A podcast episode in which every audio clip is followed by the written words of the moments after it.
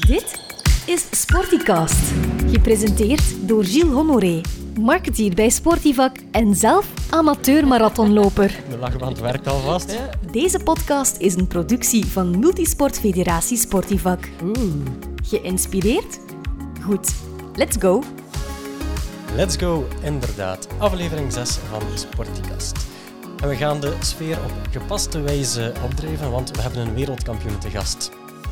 Ladies and gents, let's welcome two-time WBF champion, IBO champion en EBU welter champion, two-time Golden Glove winner, straight from the lovely city of Kuurne, in the red corner, Ocean the Machine Derju. Wacht, Ocean, welkom. dank u, dank u. Dank u wel om, eh, om tot hier te komen. Ik dacht, eh, ik probeer iets om Ocean zich meteen thuis te laten voelen. Ja, klopt. eh hier toekomen met een mellowcake. een van mijn eh, favoriete dingen om mee te zondigen. Dus eh heb dat goed bekeken. Ah, kijk, voilà. Het was een gok, maar een berekende gok. Dan Klopt. maar. Ehm Ocean, ja, je bent eigenlijk nog maar net terug in het land. Klopt, ja. Een weekje tussenuit geweest naar Lapland. Ehm, na mijn wedstrijd uh, dit wel deugd voor even te decompresseren, ik zal het zo zeggen. Ja. Niet dat de wedstrijd zo lastig was, maar eh, de trainingsarbeid zat er natuurlijk wel, eh, zat er wel in, van de weken ervoor. Uiteraard. En dan zo weekje naar Lapland. Hoe Heb je het ervaren, Lapland? Uh, maar ik ben natuurlijk een, een, een zuiderstype. Ik hou Ja. van de warmte. Ehm, Charlotte daarentegen, mijn vrouw, ehm, houdt wel van IJsland en het winterse landschap. Ja. Ehm, dus voor mij was het wel een beetje een uitdaging om naar het noorden te gaan. Maar mijn, eh, mijn stiefmama heeft een reisbureau en we zijn eigenlijk mee geweest eh, op groepsreis eh, Ja. met haar. En ehm, ik moet zeggen, de activiteiten waren super. ook om daar te, te verblijven in een lodge. Mm. Dat was zo'n oude school dat ze opgedaan hadden. Dat was ook wel een keer heel leuk om de sfeer op te snuiven. Qua landschap is het wel een beetje hetzelfde. Dennenbomen en heel veel sneeuw. Ja. Ehm, en dan het bevroren, de, de, bevroren, eh, de bevroren rivier. Ehm, de sneeuwscooters, de huskies. Ja, ik ben zat van honden. Dus Ja. voor ons is dat echt wel de mooiste ervaring. Ehm, het Noorderlicht komt er natuurlijk ook bij. Hebben jullie het gezien? We hebben het tweemaal gezien. Fantastisch, maar dat heeft nu wel niet voor mij zo'n wauw-effect. Toch niet? Nee. Eh, nee, de zonsondergang daarentegen eh gaat voor mij ja, toch veel meer gaan doen. Ja. Veel meer spelen, spelen met verschillende kleuren. Ik vind dat ja, heel mooi. Ehm, en dan Noorderlicht, ja, dat is groen met een beetje rood. Eh, het beweegde niet veel. Dus ja, dat, dat was leuk om een keer te zien. Maar ja, ik denk dat het hoogtepunt voor ons toch wel eh, de huskies waren. Ja. Ja. En ehm, ja, het is niet lang klaar, die periode, neem ik aan nu. Klopt, dus de dagactiviteiten, dat is zo van Ja. kwart voor tien tot eh, drie uur dertig. En dan wordt het eigenlijk donker, dus dat is wel eh, wat aanpassen. Nu, ja, ze hebben daar een sauna en jacuzzi en eh, je kunt daar wel relaxen eh, nadat het donker wordt. Ehm, en die dagen gaan eigenlijk heel, heel vlot voorbij. Natuurlijk was ook wel wat vermoeid en, en Mhm. dan kruip je wel wat vroeger in je bed dan, dan de andere mensen. Ehm, ja, en alcohol drinken we sowieso al bijna niet. Ja. Charlotte helemaal niet. Dus ehm ja, s'avonds zat er ik al redelijk vroeg, vroeg in. Ik ben dan ook een vroege vogel. Dus Ja. ja, ja, dat is wel genieten van de ochtend. Die wel, eh, ik denk rond 37 was dat daar al klaar, dat wel.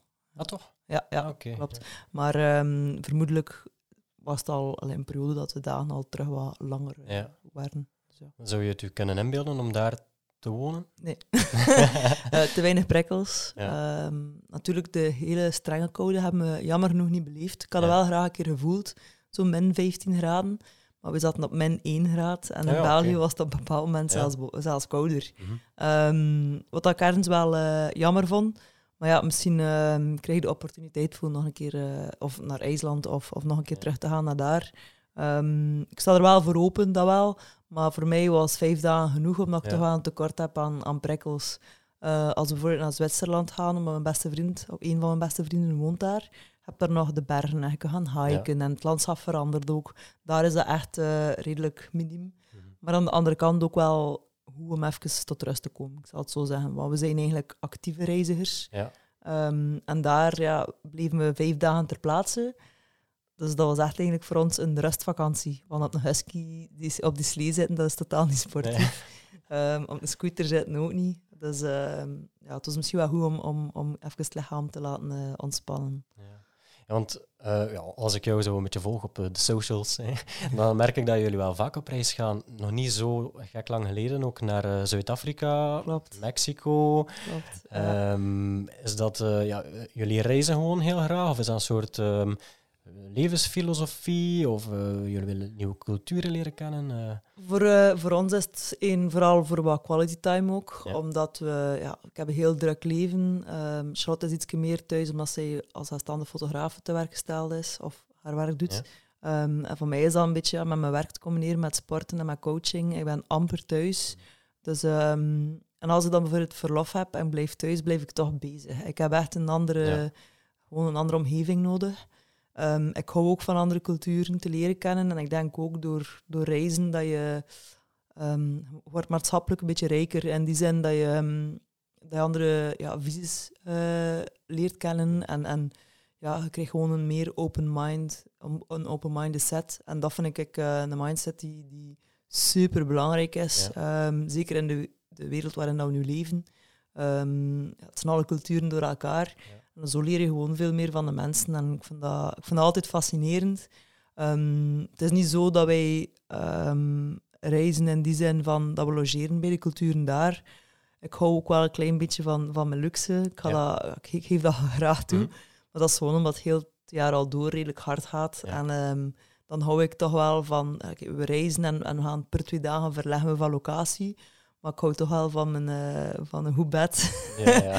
Ga mij niet rap en intens zien, uh, zien slapen. Nee, dat niet. Misschien ligt dat ook een beetje aan mijn leeftijd. Maar uh, ja, een beetje luxe mag. Maar um, ja, het is gewoon fascinerend hoe de andere landen soms met elkaar om, de mensen met elkaar omgaan. En hoe het in elkaar zit. En ook ja, culinair is het ook altijd verrassend.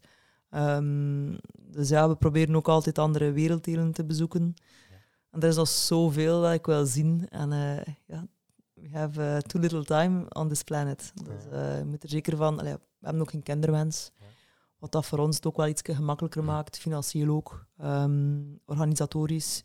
Dus uh, ik denk dat reizen een vorm van ontspanning en ontdekken. En, en, ja, het is avontuur.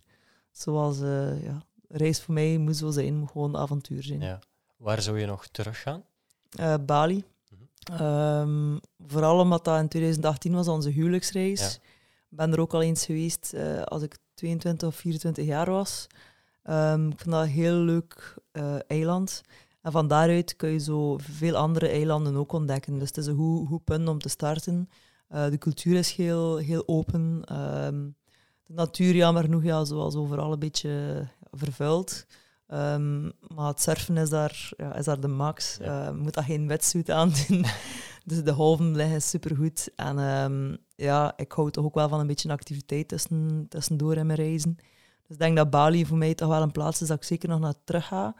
Mexico ook, maar dan ook om de andere kant van Mexico te leren kennen. Um, maar ja, teruggaan naar een land is altijd vind dat altijd wat dubbel. Dubbel, ja. Uh, omdat ik veel andere zaken nog wil leren en ontdekken. Maar like bijvoorbeeld uh, Portugal ben ik al veel vaker naar teruggereisd.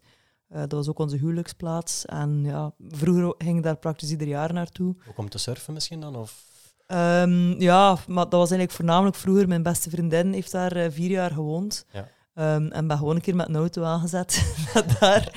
En dat was eigenlijk echt zo ja, oldschool surftown. En, en nu is het natuurlijk al een beetje toeristischer geworden. En de, de oudere campbase is, is een toeristische blok geworden, wat dat wel jammer is. Maar die sfeer hangt er wel nog altijd. En um, natuurlijk, ja, dat, dat surfwereldje, dat is raar, maar overal waar we op reis gaan, gaan we op zoek naar de surfregio. Omdat er dan een bepaalde vibe hangt die zo echt mega chill is. En, en de mensen zijn ook niet competitief. Ze steunen elkaar. Je ziet dat ook heel vaak terug in skateboarden. En um, ik ben dat deels een beetje opgegroeid. En ik vind dat gewoon een heel leuke cultuur, eigenlijk, of een leuke subcultuur, als ik het zo moet noemen. En ze dan ook altijd lekker eten. Ja, ook belangrijk. ja, zeker. zeker op reis. Goed, uh, we gaan een kleine stap maken van, uh, van Lapland en Portugal naar het uh, mooie Engelmunster. ja, in de achtertuin. voilà. Um, hey, want dus je reis volgde meteen naar ja, een hele belangrijke kamp, toch wel, daar in Engelmunster. Dat was een wereldtitelkamp. Uh, World Boxing Association, WBA, maar intercontinentaal. Oké, nu leg ons dat nu eens uit, want um, dat is niet altijd even duidelijk uh, voor mensen die niet in het wereldje zitten. Uh, WBA, EBU, IBO. Dat, dat zijn allemaal eigenlijk verschillende organisaties. Ja. die organisaties krijgen eigenlijk een bepaalde waardering. Um, bijvoorbeeld EBU mhm. is een, een heel mooie titel, omdat die ook al denk 150 jaar oud is. Um, heb dan de WBF die, die ja, iets minder zwaar is of, of iets minder erkend. Ik denk dat op nummer 7 of 8 zo van, van al de organisaties mhm. staat. Um, en iedere organisatie organiseert natuurlijk uh, kampioenschappen, wereldkampioenschappen, internationale en intercontinentale kampioenschappen. Ja. Um, maar natuurlijk, iedere federatie heeft ook het budget dat je ervoor betaalt. Dus stel nu dat, dat mijn club organiseert, moeten ze natuurlijk ook kunnen, uh, het financieel aankunnen om mm. zo'n titel te organiseren. Vandaar dat de grote titels WBC, WBO, IBF, um, dat dat meestal onder de grote promotie of promoteurs uh, gebeurt, dat zij ook het financiële plaatje in orde hebben. Dus um, het is een heel complexe wereld, het is een markt op zich. Um, en natuurlijk, ja, een kampioenschap voor veel mensen is een kampioenschap een kampioenschap. En als je dan die gewonnen hebt, ben je de wereldkampioen. Maar in mijn ogen, gedurende Hans mijn carrière, ben ik absoluut nog geen wereldkampioen. Mhm. Ehm, maar de titels geven wel een soort van waardering natuurlijk. En naar de buitenwereld is dat interessant. En ticketverkoop is, is beter omdat het een titelwedstrijd is natuurlijk. Um, maar voor de atleet zelf, denk iedere bokser die, die recht in zijn schoen staat en weet waarmee dat hij bezig is, weet ook dat je maar echt kampioen bent als je binnen de vier grootste bonden een titel haalt. Ja. Omdat je dan echt pas tegen de beste bokst. Ehm, en dat is natuurlijk, ja, dat is altijd een, een, een weg daar naartoe. Uh, ik boks nu al 15 jaar, waaronder denk nu zes of zeven jaar professioneel. Professioneel tussen ja. haakjes. Um, en mijn palmarès is heel mooi. 19 wedstrijden, 19 gewonnen. Um, maar ik heb ook nog niet tegen de beste gebokst. Dus, uh, en dat is nu wel voor mij toch wel heel belangrijk. Ik ben 35 jaar. Ik zal misschien nog drie jaar boksen of zo. Dus voor mij is het nu wel belangrijk om mij te meten met de beste. Ja. Maar ik zeg, de weg daar naartoe is heel moeilijk. Het is een economie, het is een markt, het is spelen met geld, met de budgetten. Uh, het is opbieden tegen elkaar. Uh, en het is ook heel fragiel natuurlijk. Want als je blijft opbieden en plots kiest de tegenstander of de organisatie van ja, je, je kost te veel geld, we gaan iemand anders nemen, kan je snel die plaats ook gaan, gaan verliezen. Dus, uh, maar dat is natuurlijk zaken voor mijn manager. Ja, ik ben daar uh, liever veel minder mee bezig.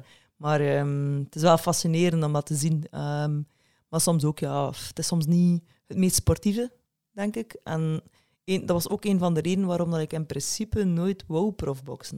Mm Omdat dat, een, een, ja, dat je soms een beetje kan sjoemelen met je palmarès. En, en ik wou nooit een um, valse kampioen zijn of een fake kampioen die een palmarès heeft met nul verlies. Maar dat je ook bokst tegen mensen waarvan dat je op papier al weet, je gaat winnen. Alles kan natuurlijk in boksen, maar je weet toch wel een beetje van jezelf wat je aan kan en niet. Um, en ik heb al ook gezegd in het begin van mijn carrière, ik wil nooit een, uh, een valse kampioen worden. Ja. Um, en, en ja, dat is natuurlijk, uh, dat is natuurlijk moeilijk hè, op een bepaald punt. En zeker uh, als je like Engelmunster bijvoorbeeld, die wedstrijd. Oké, dat is een titelwedstrijd, maar in mijn hart zou ik die, die belt dat is raar, hè. Ik, zou die, ik ben er niet zo fier op. Ja. Ik zal het zo zeggen. Maar de wedstrijd is ook veel te gemakkelijk voorbij gegaan. Dus ik heb niet echt moeten strijden. Ik heb meer moeten strijden op training. En, en mijn sparringen waren super hard tegen uh, Mekalet. Uh, dat is iemand uit Frankrijk die tegen de top van de top gebokst heeft dezelfde avond, ook 4 februari. En um, als je dan ziet dat je al die opgaves doet en die trainingen zijn zo hard en dan box je tegen iemand die op mhm. papier wel oké is, die niets doet in de ring, dan allee, als atleet voel je dan ook niet, heb de adrenaline niet, heb geen climax. Ehm, ik voelde mij, ja, ik had frustratie en, en het was gewoon een pure anticlimax voor mij. En, en wie, dus het is puur jouw management die dan beslist eigenlijk tegen wie dat je bokst. Mhm. Ehm, of je, hoe gaat het dan? Uh, je management krijgt bepaalde uh, uitdagingen binnen uitnodigingen om, om te kampen. En op basis daarvan gaan jullie gaan beslissen van deze kamp nemen we aan, deze niet, die is interessant of die niet. Ja, daar komt het eigenlijk op neer. Um, Mohamed is mijn trainer, is heel lang mijn manager geweest en nu is hij mijn tweede manager. Ik heb dan uh, in zee gegaan met uh, een Kosovaar, Artan Verbica. ehm, die al enkele dames zonder hem heeft. Uh, maar die heeft heel veel connecties in, in het damesboksen. Is ook zijn talen machtig, terwijl dat Mohamed een beetje geremd was omdat hij enkel Frans spreekt. Ja. Um, ik moet zeggen, sinds dat ik met hem getekend heb, zijn er al wat mooie opportunities eigenlijk naar boven ja. gekomen dat ik niet zou gekregen hebben zonder hem. Dus um, hij is een beetje, hij gaat een beetje de markt gaan, gaan onderzoeken en zien, ja, eerst natuurlijk een gesprek met, met mij en Mohamed van ja, waar willen jullie naartoe? Wat is jullie doel?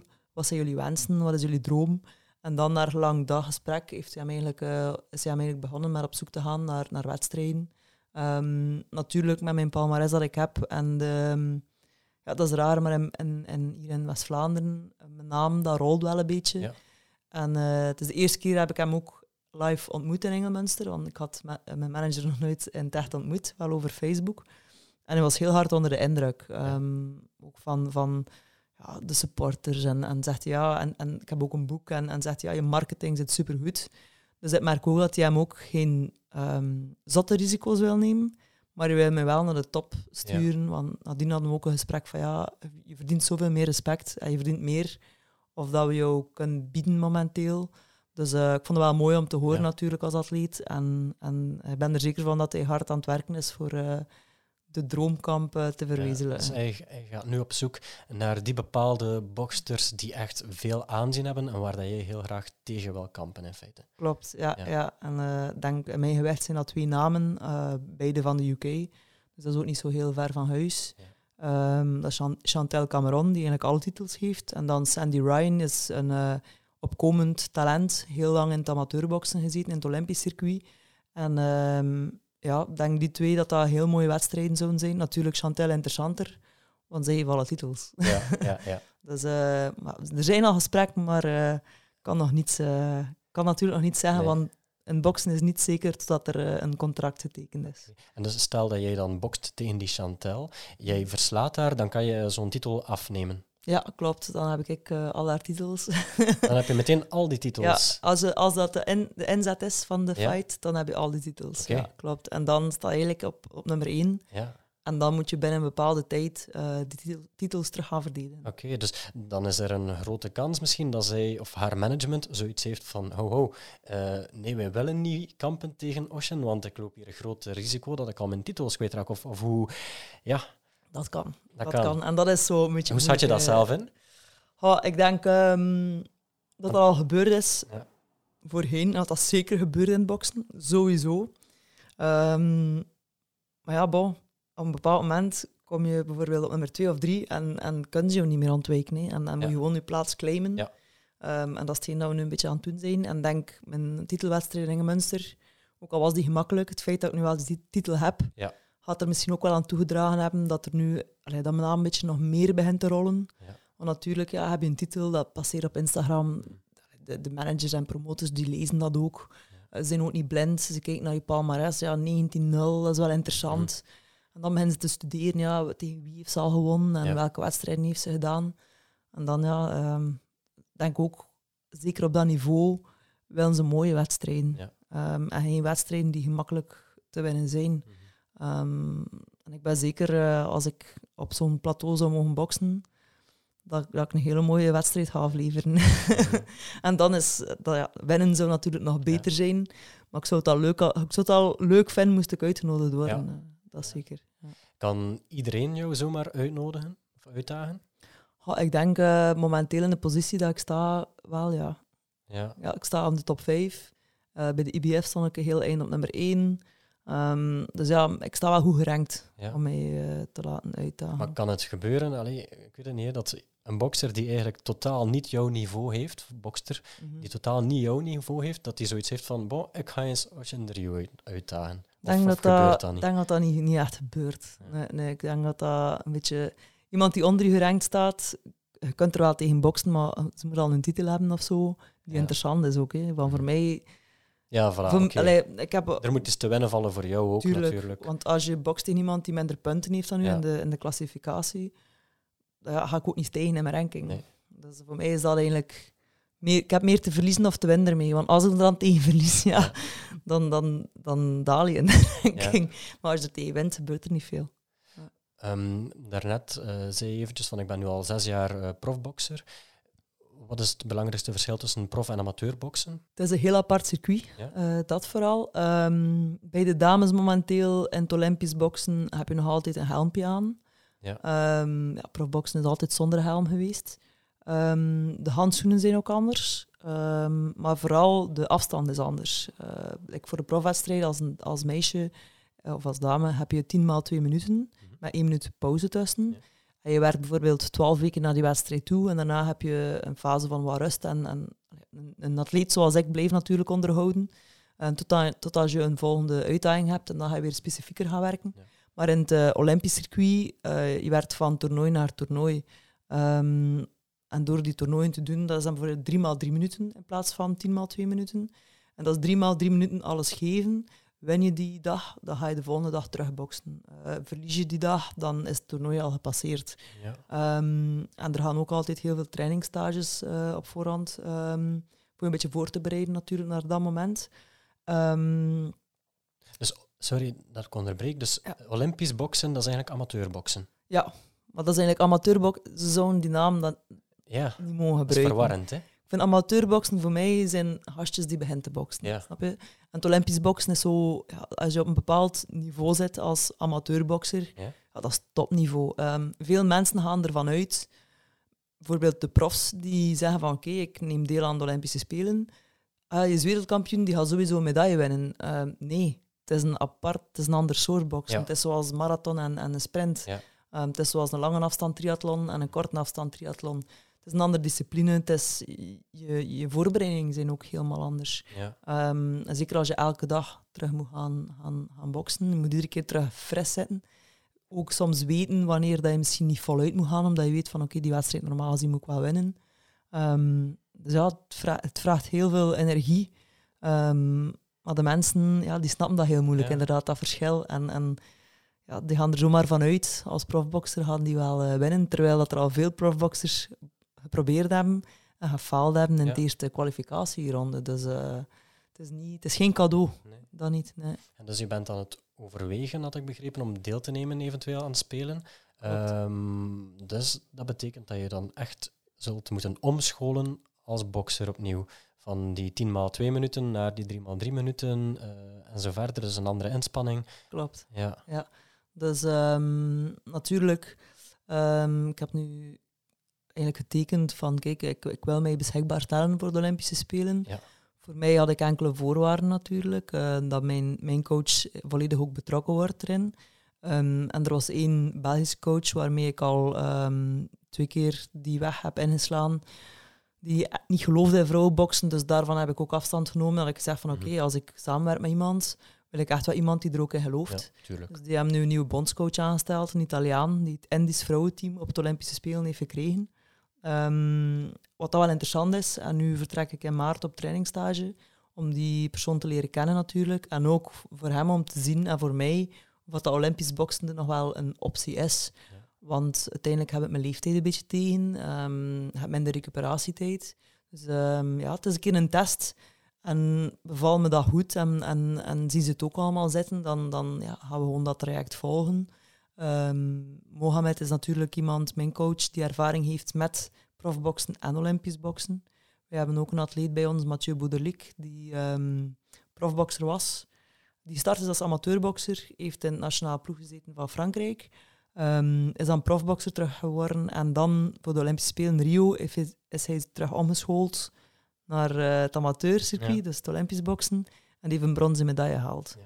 En dat was ook een van de dingen dat, dat Mohamed zei, van ja, die 10 maal 2 minuten, je traint er al zodanig lang op, dat zit in u. En ik merk dat ook op training. Die, ook, ik was onlangs ook ziek, ik had de griep gehad en ik was ja, vijf dagen niet kunnen gaan trainen.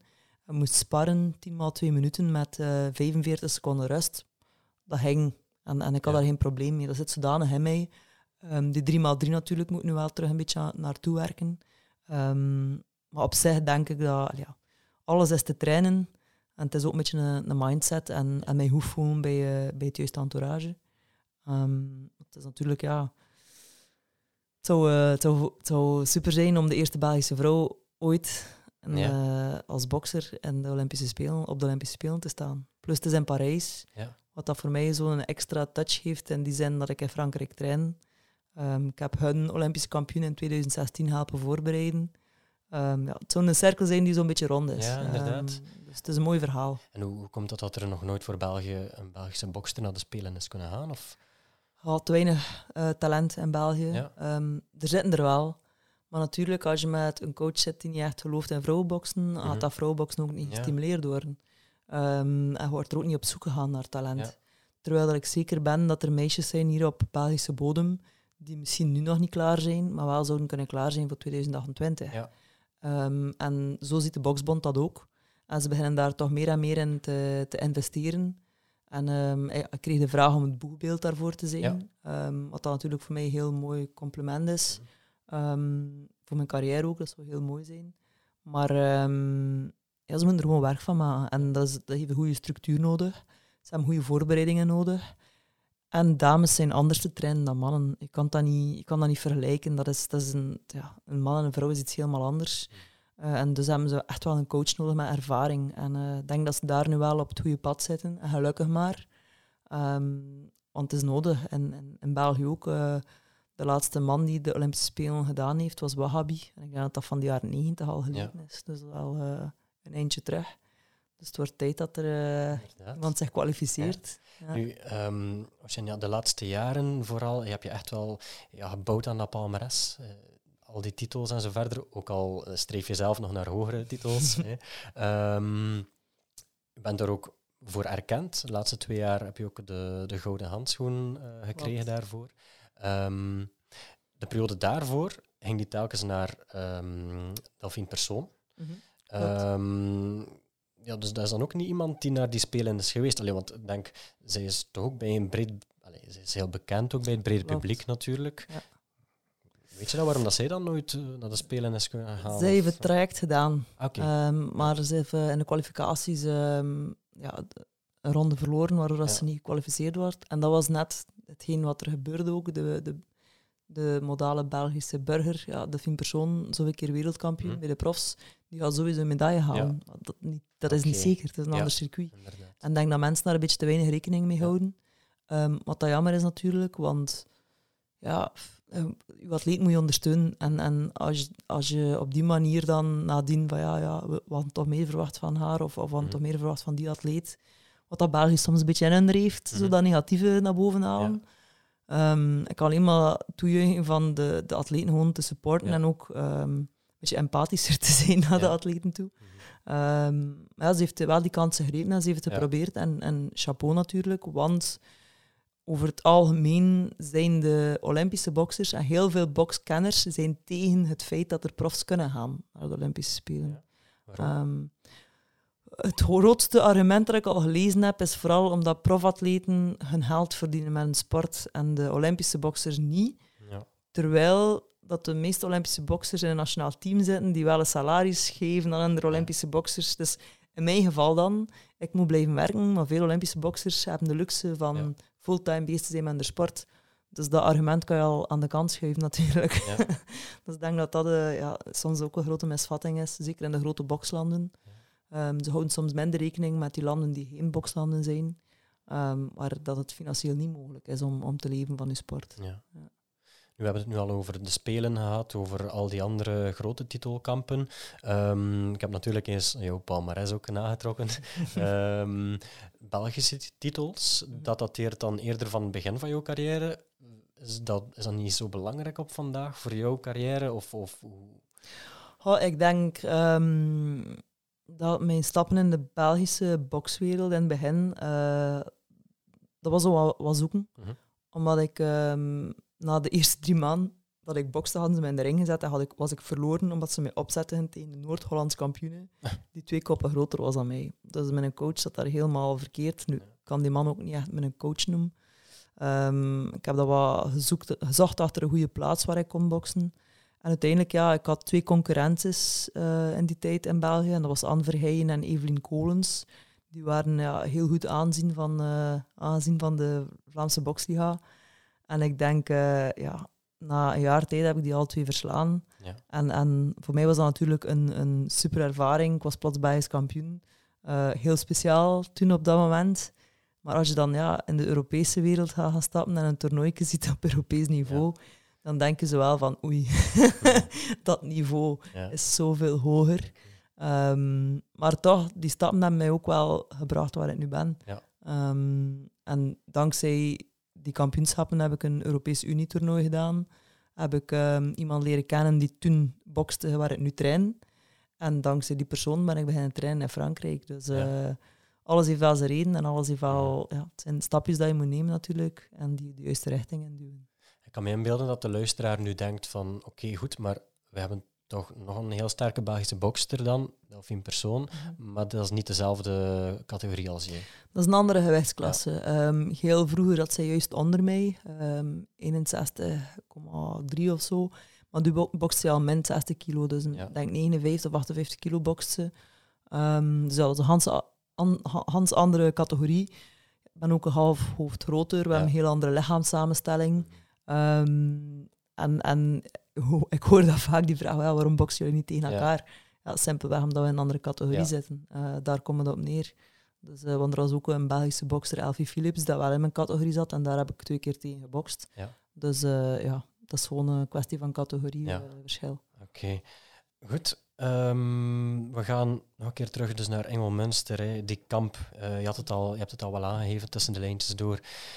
Um, ja, dat dat helemaal niet was wat je ervan verwacht had. Die, die kamp moest echt wel het hoogtepunt van de avond, het hoogtepunt van de avond worden, maar eigenlijk werd dat een beetje een anticlimax. Klopt. Um, eerst en vooral is dat, heeft dat vooral te maken met de wijziging van tegenstander op het laatste moment. Mhm. um, de Afrikaans ging veel meer tegenstand geboden hebben, maar die kreeg haar visum niet. Uh, Dat was zeven weken op voorhand aangevraagd, dus ruimte tijd genoeg. Maar uh, dat leek maar niet in orde te komen. Gelukkig had uh, Artan dan een tweede, een tweede optie. En op papier leek die vrouw heel sterk. Uh, Heel sterk. Colombiaans. Colombiaans, ja. 30 wedstrijden, 23 gewonnen, 13 met KO. Dus ja, ik kan al een keer meer KO's dan ik. Mm. Um, dus dachten wij, oké, okay, dan gaan we gewoon voor die gaan. En um, op de weging was mij al rap duidelijk wat voor wedstrijd dat ging worden. Ja. Wat dan natuurlijk niet zo leuk is. Dat is de eerste keer dat jullie elkaar zien en levende leven. Ja, dag ja. voordien. Ja. ja, en die was ja, een goede kop kleiner al mee. Uh, niet echt atletisch gebouwd. uh, maar ja, top kan, het is nog altijd opletten. Hè. Um, en dan de wedstrijddag zelf. Iedereen heeft natuurlijk een beetje stress, iedere bokser. Um, en we hadden een gevoel van, ja, die gaat gewoon twee, drie ronden aanvallen. En, en dan ga ik, ga ik toeslaan. Dus een beetje studierondes maken en dan uiteindelijk mijn eigen ritme en tempo erin steken. Maar dat, dat bleek ook niet te gebeuren. Dus uh, ja, dat was zo'n beetje blijven aftoetsen en af en toe een keer wat druk zetten en, en, en meer combinaties geven, sneller slaan geven, mijn snelheid aanpassen en zo. Maar uh, ja, er kwam niets uit totdat uiteindelijk de wedstrijd, uh, dat ze zelf zei van het is genoeg geweest. Ja. Um, maar natuurlijk na een wedstrijd, zoals vorig jaar tegen de Italiaanse Silvia Borto, die echt wel kwam om te winnen, ja, dat is op, uitgeroepen geweest als de beste wedstrijd van het jaar, onder mannen en vrouwen. Uh, het publiek heeft dat gezien. Het publiek is, is, heeft, heeft veel hoop, wil dat terugzien, zo'n wedstrijd. En ik zelf als atleet ook natuurlijk, want al die energie dat je in je trainingen steekt en, en de opofferingen. En dan, ja, dan, dan heb je zo'n wedstrijd, is gewoon pure anticlimax. En let op, niemand kan daar iets aan doen. De organisatie niet. Mijn manager ja, wist dat waarschijnlijk ook niet. We hebben ze opgezocht op internet. Er waren geen beelden van te vinden. Um, maar ik vind het natuurlijk heel jammer voor het publiek. Um, maar natuurlijk, zo wil ik ook geen kampioen worden. Um, je hebt de titel wel, maar al je harde inspanningen, al de trainingsarbeid is niet beloond geweest, mm. want je hebt er niet echt moeten voor knokken. Je hebt het Klopt. bij als spreken cadeau gekregen. In de ring zelf, de voorbereiding natuurlijk, buiten ja. beschouwing gelaten, maar in de ring zelf, ja. Ja, en, en weet je, ik ben een betere bokser als er een betere bokser voor mij staat. Ja. Um, het beste komt dan van mij naar boven. En, en ik weet dat ook. En, en ja, je wil natuurlijk ook tonen wat je in marge hebt. Ja. En als je dat niet kan, um, ja, iedereen van mijn familie en mijn beste vrienden, ja, je zag je gezegd dat u nu aanstond. Tuurlijk niet. ja, Dat is normaal. En ook, ja, weet je, na de wedstrijd normaal ben ik heel, ja, heb ik zo een mega euforisch gevoel. Ik neem wat tijd ook om de fans wat te begroeten, begroeten en aan mijn familie en mijn vrienden te gaan. En nu had ik echt iets van, neem me mee naar de kleedkamer, uh, laat me gewoon uh, even alles uh, bezinken, want ik was echt, ja, ik was gewoon een beetje gefrustreerd. Ja. Maar kijk, ik heb toch een klein beetje de tijd genomen, want uiteindelijk de mensen zijn er ook om u te zien. Ja, ja, tuurlijk. Um, Maar ik zeg het, ja, ik was er echt niet goed van. Mm. En toch vond ik, ik was daar ook, toch vond ik wel tussen de rondes door, als je dan in je hoek zat bij de verzorgers, um, was je wel regelmatig aan het lachen, precies. Ja, maar, dat is iets heel gek, maar ik heb was ook op sparringen. Um, soms voel je gewoon van, ah, het zit goed, weet je, je goed. Ja. En, en op sparringen, als ik dat lag en ik keek naar Mohamed, die kijkt naar mij, en zoiets van, ah, hij is zot, zegt hij dan. Maar ik, ja, ik doe gewoon mijn sport graag. Ja. En, en ja, als ik, als ik iets raad doen, dan komt er een glimlach op mijn gezicht. En ik moet er wel soms mee opletten, want in de ring soms zelf gebeurt dat zonder dat ik het weet, dat ik begin te lachen naar mijn tegenstander. En mijn tweede coach is altijd een beetje boos, omdat ik denk dat ik dan niet meer serieus ben. Ja, ja. En dan ja, in de hoek deze keer was ze gewoon lachen van ja, ja, wat is dat hier? Ook, ook een beetje groen lachen. Alleen want ja. Uh, ja, je zegt je lacht omdat je sport graag doet, maar anderzijds had je het nog veel fijner gevonden, tuurlijk. had je echt kunnen knokken hebben en je kunnen bewezen hebben. Dus tuurlijk, tuurlijk. dubbel lachen. Uh. Het is dubbel lachen, maar ook ja, ik ook, mijn trainer is ook zo iemand die ja, zo fonkeloogjes. Ja. En uh, je kijkt dan naar mij en ja, je zegt dan zo tussen de tanden, tu es vol. um, maar dat is gewoon, ja, ja dat, is, dat is wie, wie ik ben, weet wel. En, en um, als ik lach, dan, dan ben ik in mijn element. Um, en nu was het, ja, ik was wel in mijn element voor het feit van, uh, ik zit in Noek en het is leuk en ben gerecupereerd in nog in 20 seconden. maar het was natuurlijk was minder prettig over het algemeen. Nu, uiteindelijk um, staakt ze zelf de wedstrijd bij het ingaan van de achtste ronde. Verstandige keuze van haar? Denk je dat zij anders, dat zij anders KO gaat? Of, of? Oh, KO, ik had, heel, ik had eigenlijk persoonlijk veel liever al in versnelling willen gaan in die wedstrijd. Maar Mohamed uh, heeft me nog wat geremd of, op een of andere manier. Um, was dat omdat ik mijn ronde moest doen? Was dat omdat hij dacht van nou, misschien komt er toch nog een verrassing uit de hoek? Is natuurlijk heel voorzichtig met mij. Um, wat dat wel leuk is, maar soms een beetje te overbeschermend. Um, maar denk gewoon voor haar gezondheid, voor haar hoofd. Ja. ik heb haar hoofd te zien nadien, dat was verschrikkelijk. Um, voor haar eigen gezondheid was het beter gewoon om de wedstrijd te stoppen. Ja. Um, natuurlijk, een KO-slag ging heel tof geweest zijn, maar ze, was ook om... Wat te zeggen dat haar vetmassa er ook was. Dus ja, uh, dat speelt ook natuurlijk uh, mee in het KO-verhaal. Ja. Dus, dus um, begrijp ik het dan goed dat je toch ook um, in samenspraak met je coach op dat moment beslist van we gaan hier een klein beetje inhouden. Um, ik luister naar Mohamed. Ja. Uh, daar komt het op neer. En als ik dat niet doe, krijg ik onder mijn oren. Want de vorige keer met Sylvia, uh, in de eerste ronde had ik al een keer een, een, een vechtmomentje, en wij noemen dat zo, een beetje een vechtmomentje ingeschakeld, ja. waardoor je hartslag al iets meer in het rood gaat. Um, en daar was, was daar heel boos voor. maar bon, um, je moet ook goed weten wanneer doe je een beetje de ding dat je zelf ook voelt en wanneer luister je naar je coach. Um, dus ja, het is een beetje, het is een beetje aanvoelen ook uh, wat dat op dat moment juist is en, en wat niet. Ja. Hoe zou je jezelf typeren als bokster? Ben je, ben je iemand, ben je meer um, technisch mm. uh, of vooral uh, het echt gaan beuken? ben ik, ben geen brawler. Ja. Um, dat is niet iets die typisch bij mij naar, naar boven komt. Als moet, ga ik het doen. Ja. Maar ik ben wel een technische bokser. Normaal op de counter. Werk heel veel op, op counters. Heel bewegelijk. Ja. bewegelijkheid vind ik heel belangrijk in boksen. Um, ja, raken zonder geraakt te worden, dat is dus eigenlijk het, het, de zin in mijn hoofd. Um, en en ja, nadenken over je spel. Het is eigenlijk voor mij is het echt een spel dat ik speel. Um, ik ben daar niet om iemand dood te doen. Of, of, het is ook geen spel, houdt het ook niet op leven of dood. Maar ik probeer gewoon de mooiste box af te leveren, alles wat ik geleerd heb. Um, en, en ja, iedere keer, iedere wedstrijd komt er wel iets bij. En, en iedere wedstrijd groei ik ook en probeer ik dat gewoon te tonen op de, ringen, op de ring. Maar ik vind het vooral belangrijk om, om mooi te boksen. Ja. Omdat, um, zeker in België, is boksen nog niet zo... De, de kennis is er nog niet zo heel goed bij veel mensen, toch niet naar het ruime publiek. En als het ruime publiek dan ziet wat dat boksen echt is... Allee, ik wil maar een voorbeeld geven. Mijn stiefmama, dat ik mee in Lapland was, heeft mijn allereerste wedstrijd ooit gezien als amateur. Maar ja, ik heb daar verloren dus, en ook troef gekregen. Dus even en al die tijd niet meer komen kijken. En uh, die komt dan kijken za uh, zaterdag 4 februari. En in Lapland zei ze ook van, kijk, oké, okay, het was geen tegenstand, maar zo sierlijk dat je bokst, zo mooi dat je bokst. En voor mij is dat een compliment en dat is ook een compliment voor de sport. En ik hoop dat dat op die manier ergens een reclamebord kan zijn om, Ja. om het Belgisch eh, boksen wat meer op, op de kaart te brengen. Ja. dat wel.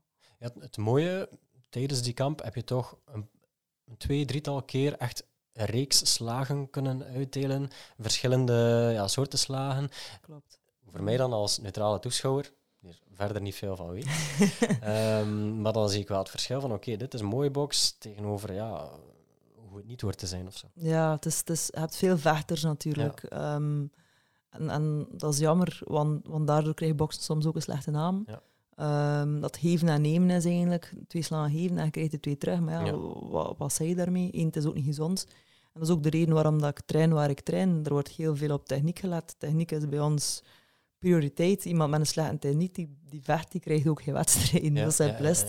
Ehm, Het is de noble art of boxing. En, en ik vind dat heel leuk dat ik dat in mij heb, dat dat zo getraind is. En mijn naam, oké, het, is, het is trouwens La Machine, niet De Machine.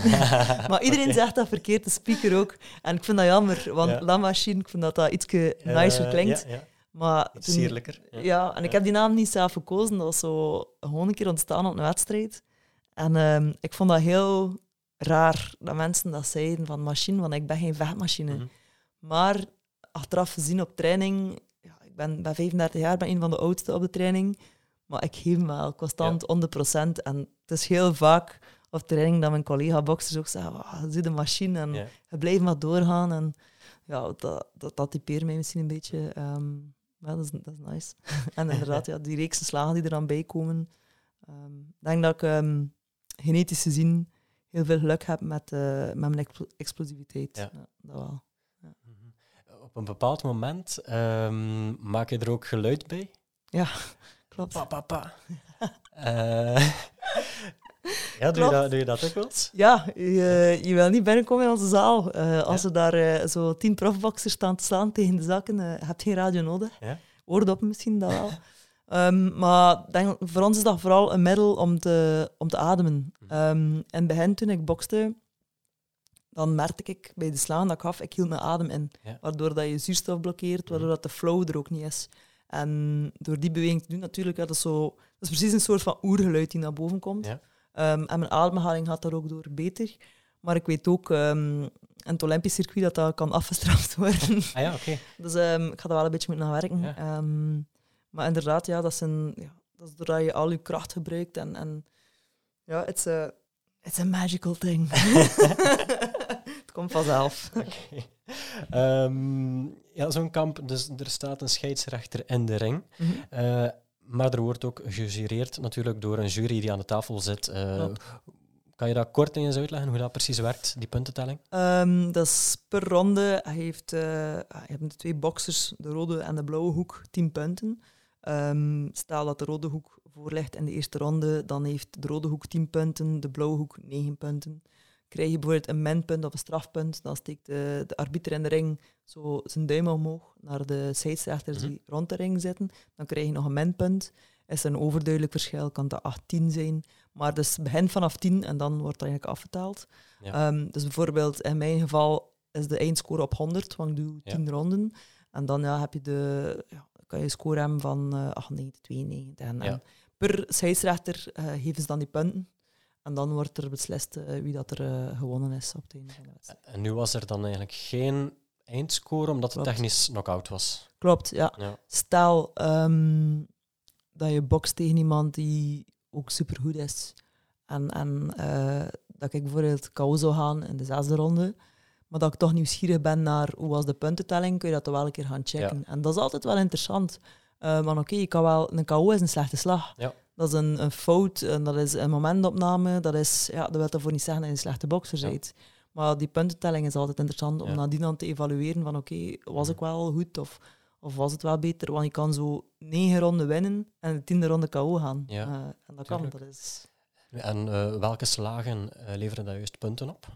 Waar moet je raken bijvoorbeeld? Want je mag niet zomaar, je mag niet op Klopt. iemands bel slaan, dat levert geen punt op. Nee, het is boven de gordel, Ja. sowieso van, van waar dat broekje hangt. eh, bovenop, meestal is dat zo halfweg de navel of, of Ja. op de navel. Ehm, de zijkant van je lichaam, maar de achterkant niet. Ja. De achterkant van je hoofd niet. Ehm, en ook als ik coachings geef, ik, ik leg het altijd zo uit. Je moet denken dat je schildpadje bent. En als je slaat, dan, dan steek je weg in je schild. En het schild van boxers zijn vooral de, de bovenarmen eh, en ook je schouders. Door de, je kunt eigenlijk perfect met je linkerschouder je ook gaan dekken. Ja. Um, maar dus vooral de slagen op het lichaam en de meest duidelijke zijn natuurlijk in het gezicht. Ja. Of lever, Ja. leverslag, daar kan je ook wel een KO mee, mee hebben. Um, kunnen pijnlijke slagen ook zijn. Um, dus dat vooral. En in profboxen gaan ze dan meer gaan kijken naar de duidelijke treffers. Die echt uh, het gezicht uh, voor het achterover doen tellen. Ja, gewoon duidelijk zijn. Uh, plus heb je ook je boxstijl. Daar wordt er ook op gecoteerd. Okay. Um, hoe dat je de ring gebruikt. Dat is vrij subjectief ook op zich. Super subjectief. Ja. Wat dat ook weer moeilijker maakt om te scoren. Ja. Waardoor dat er heel veel discussies ontstaan. Um, thuisvoordeel soms? Thuisvoordeel heb je sowieso altijd mee te maken. Um, en natuurlijk, ja, en, en er worden ook soms wordt gesjoemeld. Hè. Overal wordt er gesjoemeld in het voetbal, in iedere sport. Um, zeker als er geld mee te verdienen valt. Um, dus ja, het is soms moeilijk om te weten, is iedereen wel even neutraal. Ja. Um, vandaar dat er zeker voor internationale titels wordt er een beetje gekeken voor scheidsrechters uit verschillende landen. Ja. Ja. Dat was nu een Italiaan, dacht ik? Of? Ik heb er echt niet op gelet. Maar het ja, was een sowieso een Italiaan. Sowieso één. Maar dan de rest weet ik niet. Uh, ja. Ik heb er echt niet op gelet. Um, maar ja, een andere keer was er een Italiaan en een Fransman. Wat dat eigenlijk ook in mijn voordeel. Ja, dat is gek, maar, maar in mijn hoofd is dat al zo of niet. Momentaal voel ik me dan iets sterker. Okay.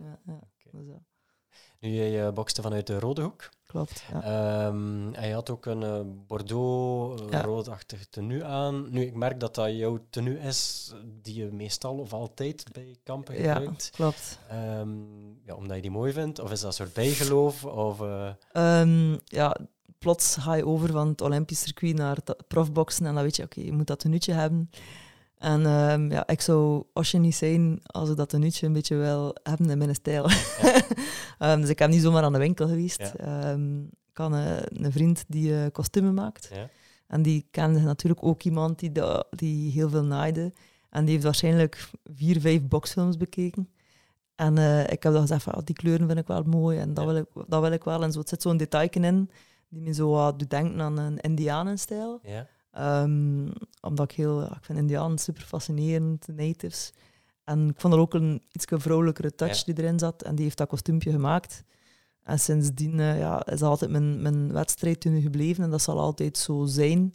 Ook de sponsors die erop komen. Um, meestal bedrukken ze dat. Van mij is dat, ze moeten patches hebben. Omdat ik er kan opnaaien. Maar Ja. dat ik nadien, allee, op het einde van mijn carrière, het allemaal kan afhalen. En dat een uurtje kan sparen. Uh, dat, dat is een beetje geld waard, maar ik moet toegeven, ja, inderdaad. Ik heb altijd dezelfde sokken aan, altijd dezelfde sport-BH. Dat zijn dingen die erin kruipen bij Ja, atleten. ja, ja. Dat is, omdat ik weet, ik zit gemakkelijk in die zon, ik zit gemakkelijk in die sport-BH. Ehm, ja, dat hoort er misschien wel een beetje bij, dat, dat, dat bijgelovig zijn. Maar in het Olympisch circuit zijn dat de tenuutjes van je land dat je moet dragen. Dus, dragen. dus eh, mijn tenuutje moet dan eh, even de kast in, denk ik. eh. ja, klopt. Kan je zelf kiezen eh, of je rode hoek, blauwe hoek kampt? En moet je een rood element dragen als je uit de rode hoek kampt of helemaal niet? Bij het amateurboksen of het Olympisch boksen is de rode hoek de rode handschoen en het rode tenuutje. Ja. Ehm, zeker op niveau. Ehm, maar bij de profboxers mogen dat zelfs dezelfde handschoen zijn, dat maakt niet uit. Ah, oké, Ehm, inderdaad. Ik herinner het mij van in Engelmunster dat het voor de pauze was het amateurboksen. ja, Dan was het effectief rood in de rode hoek, blauw, blauwe hoek. Maar dan nadien. Ja. Ja, was het een niet alles nodig? doorheen. Ja, Klopt. oké. Eh, Omdat het verschil meestal ziet in het tenue. Ja. Ehm, maar meestal is het de, de thuisboxer die de rode hoek heeft. Ja. Eh, meestal toch. Ik heb er nog nooit om gevraagd Ja. ehm, of het dan nu een blauwe of een rode hoek is. Mag nog een kakkiehoek zijn. Als ik in die ring kan staan met geluid. Dus, eh, Oké. Ehm, ja, je haalde het al aan. Je hebt een Franse coach. je traint in Frankrijk. Hoe ben je daar eigenlijk terechtgekomen? Ehm, wel, eigenlijk, ehm, ik trainde bij Jurgen Haak. Supergoeie coach. eh, en toen was hij in Deinze, nu zit hij aan mijn drongen met zijn club.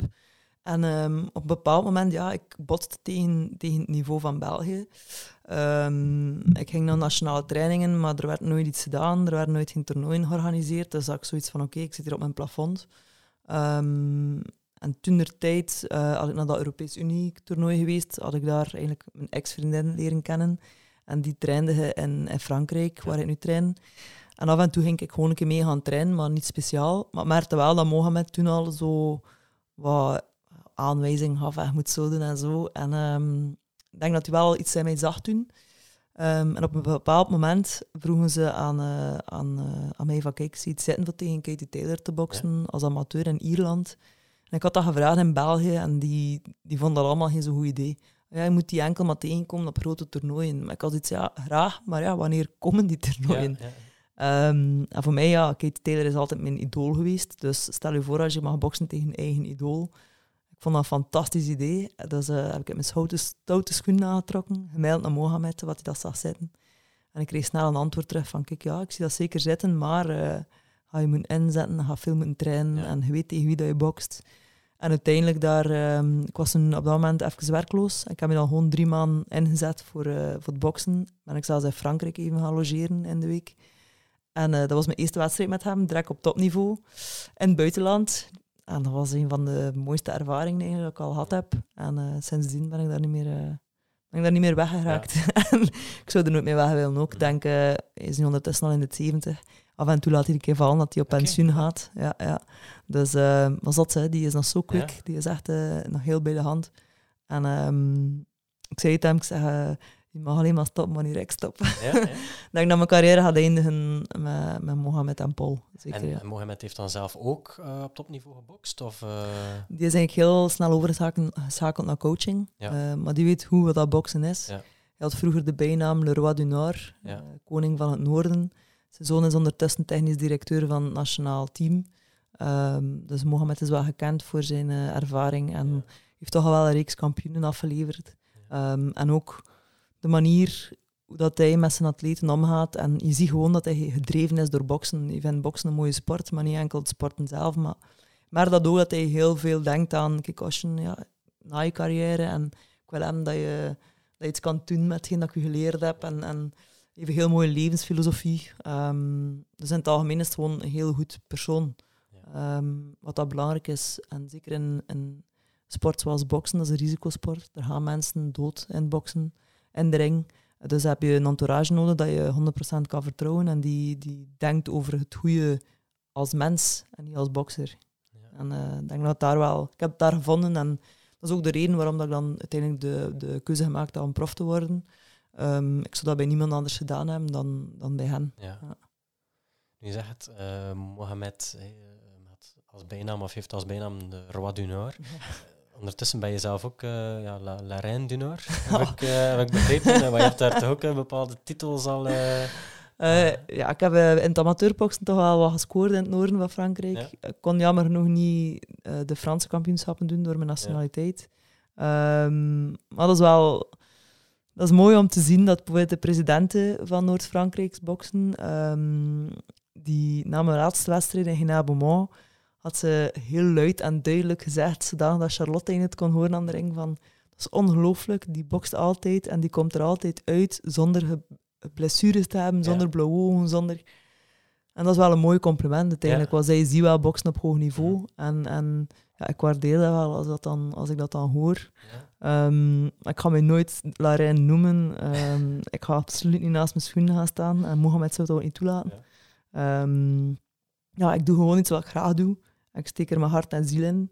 En ja, ik probeer gewoon als mens u te ontwikkelen. En, en, en als bokser nu probeer ik mij op het hoogste niveau te zetten. En, en denk ook in, in de periode waarin ik nu zit met profboksen Um, de concurrentie is, is, is heftig. Uh, ging bijvoorbeeld acht jaar geleden, of neem nu twaalf jaar geleden, profboxer geworden zijn. Het niveau was nog niet zo zoals dat nu was, of nu is. En uh, ik vind dat wel leuk om die concurrentie te voelen. En nu wil ik ze gewoon nog aangaan. Ja. ja. Ja, het komt natuurlijk niet allemaal vanzelf. Hè. Dat, uh, dat is wel heel duidelijk al gebleken ondertussen. Uh, hoe, hoe zien jouw trainingen er dan uit? Dus je hebt natuurlijk ja, box-specifieke trainingen ongetwijfeld, tactisch, technisch, conditie, kracht. Uh.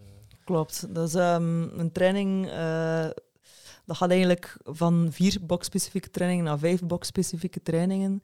De boxtrainingen zelf zijn zo variant. We hebben cardio-training op, dat we meestal op de zak doen.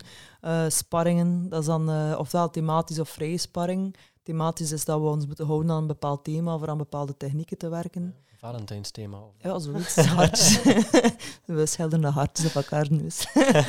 um, en dan ja, de vrije sparringen, zeker wedstrijdsparringen, is dan een keer echt 100% gaan. Maar een training met helm en zwaardere handschoenen natuurlijk. Pads training, dat is dan meer om de techniek nog mooier te krijgen en, en bijsturingen te krijgen van je coach. Um, ja, hebt, hebt van alles. En hebt, zo uh, sparringtrainingen bijvoorbeeld. Um, box je dan op training uh, enkel tegen vrouwen of oh, tegen mannen? Ik ben blij als ik tegen een vrouw Ja. mag sparren. Ja. We hebben natuurlijk niet veel, we hebben geen meisjes in de club om Geen tegen te sparren. nee. Nee.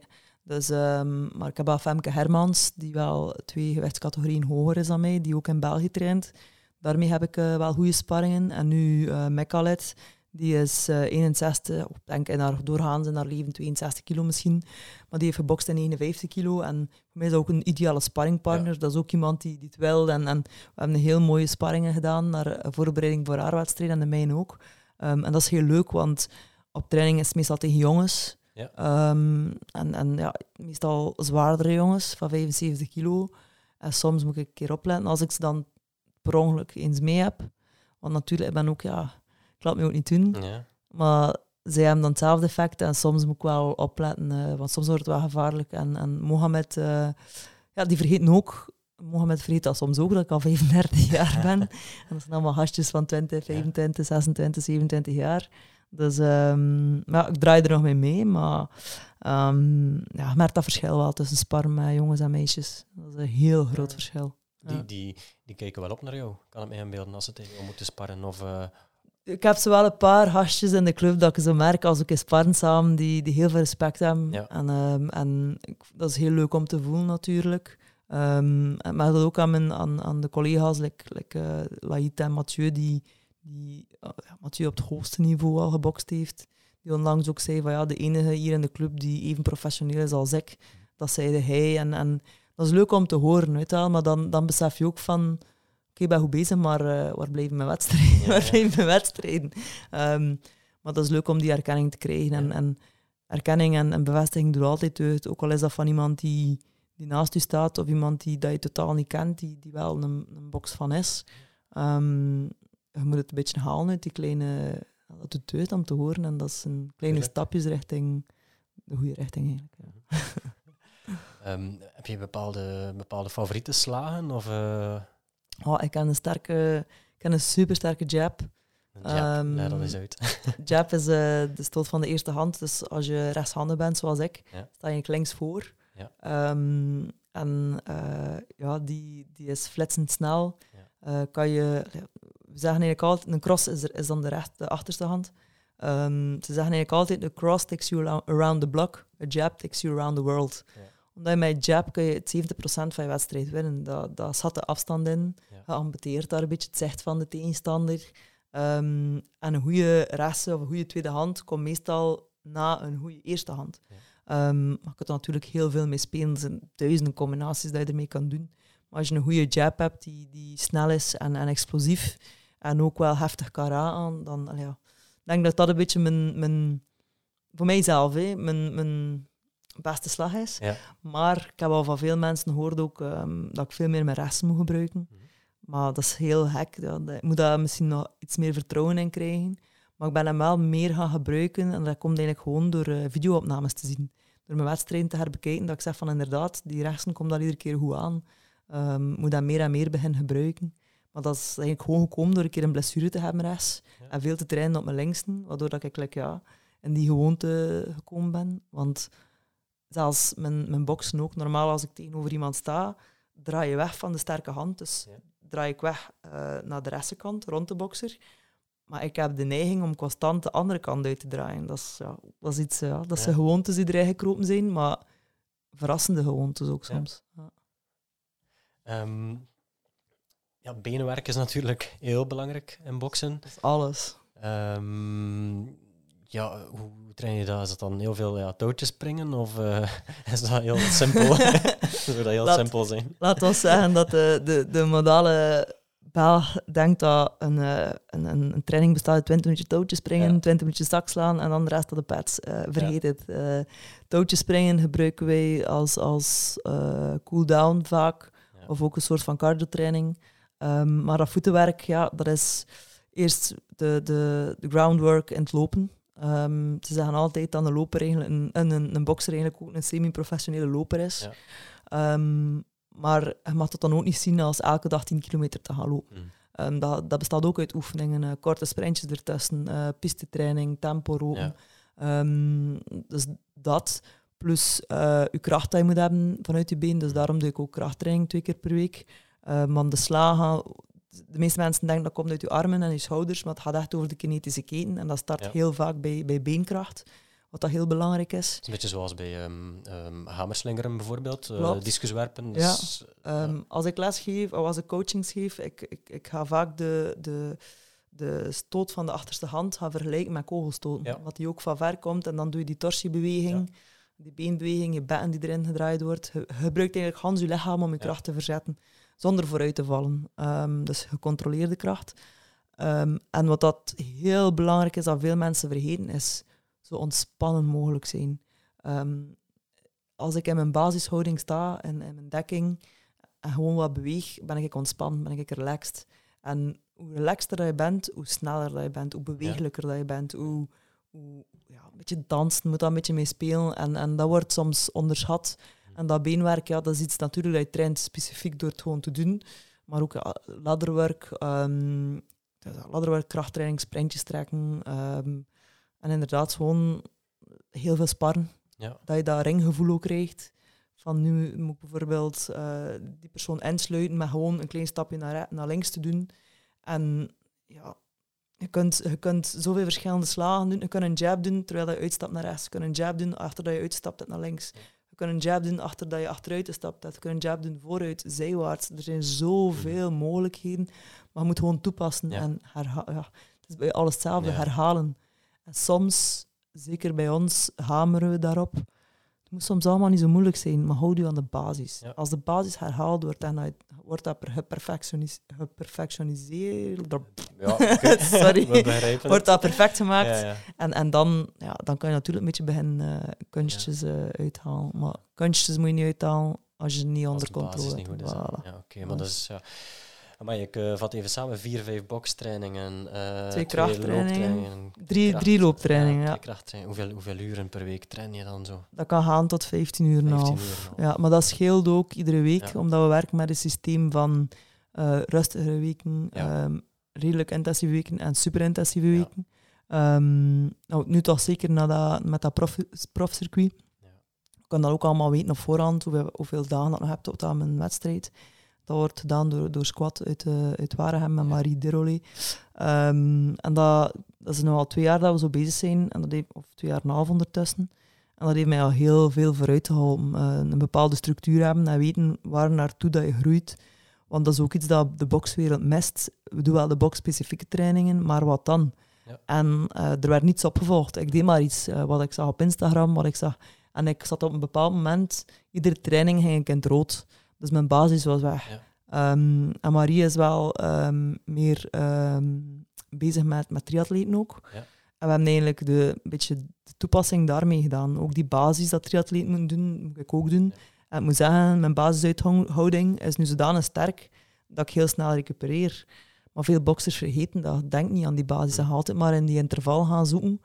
Maar ik merk dat ook in mijn wedstrijden, als ik een goede wedstrijd heb, meestal op een bepaald punt, meestal de vijfde, zesde ronde, gaat de vermoeidheid van mijn tegenstander omlaag, allee, omhoog. Ja.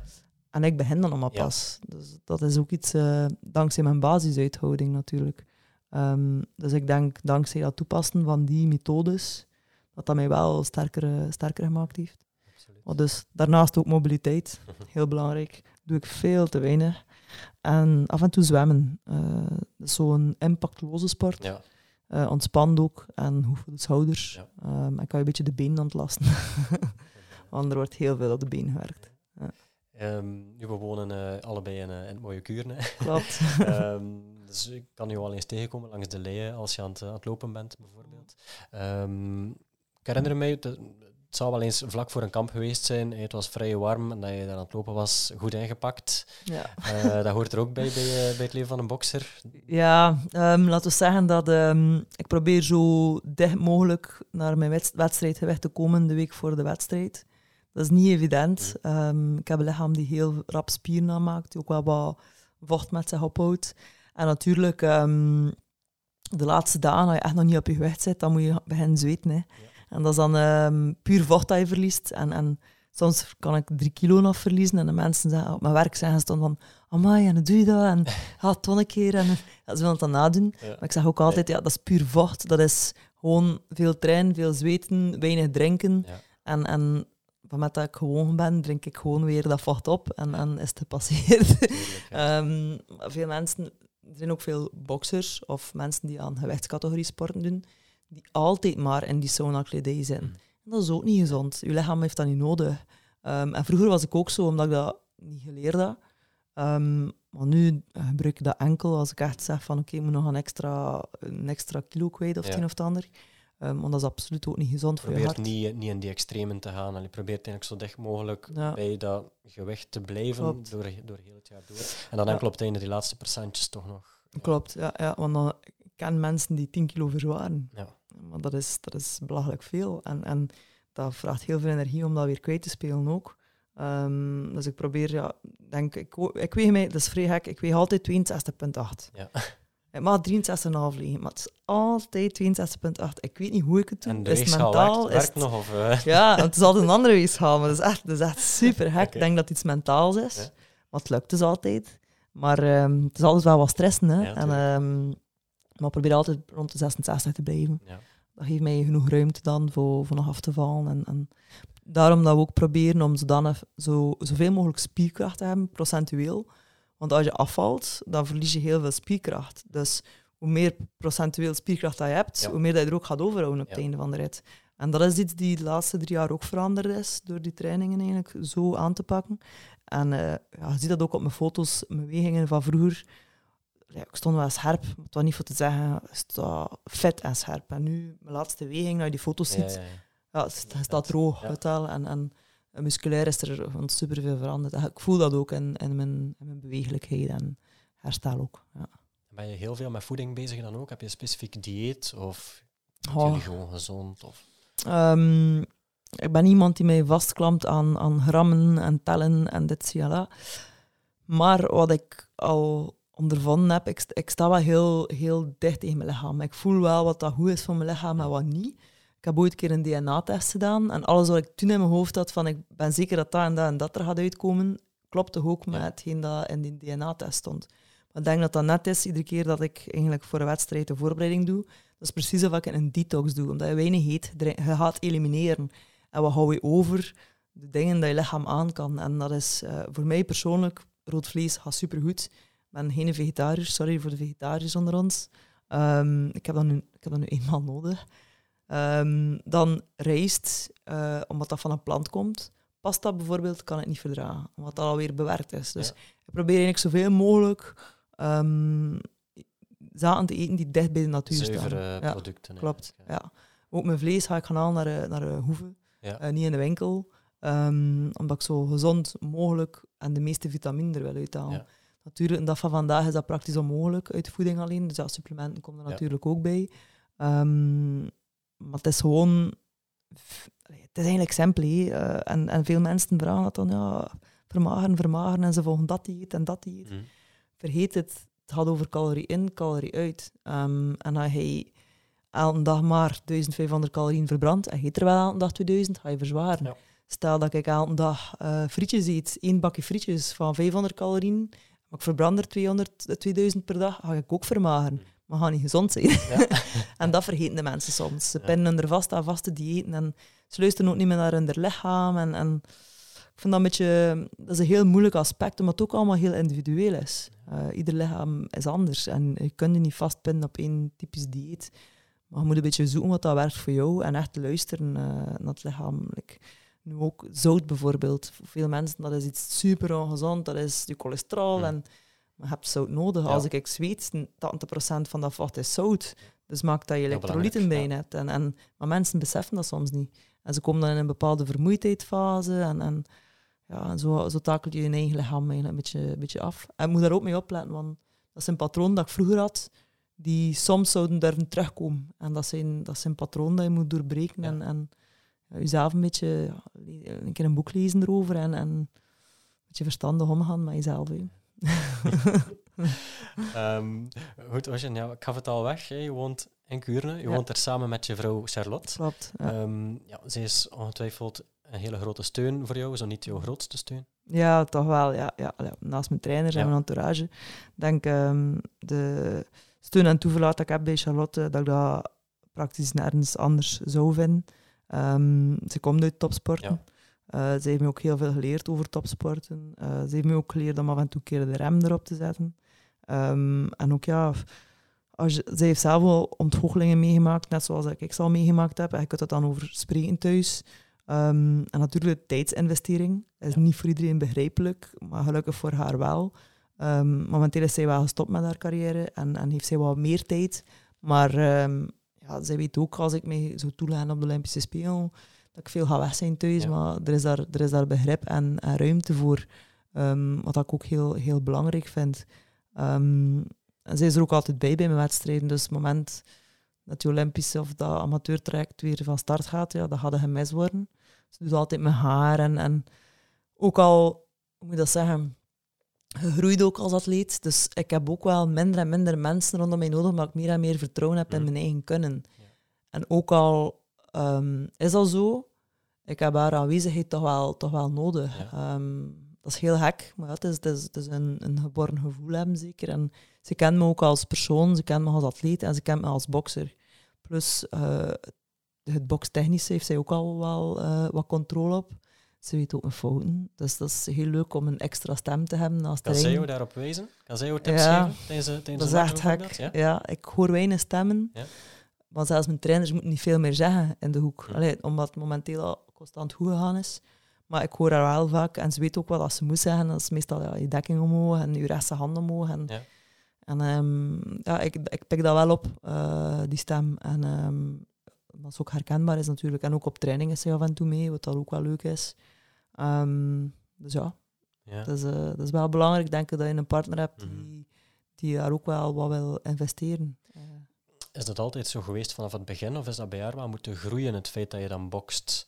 Want ja, uiteindelijk ziet zij wel haar vrouw in de ring staan met altijd kans om ja, Klopt. slaag te krijgen. Het is nu eigenlijk nog nooit gebeurd. Hè.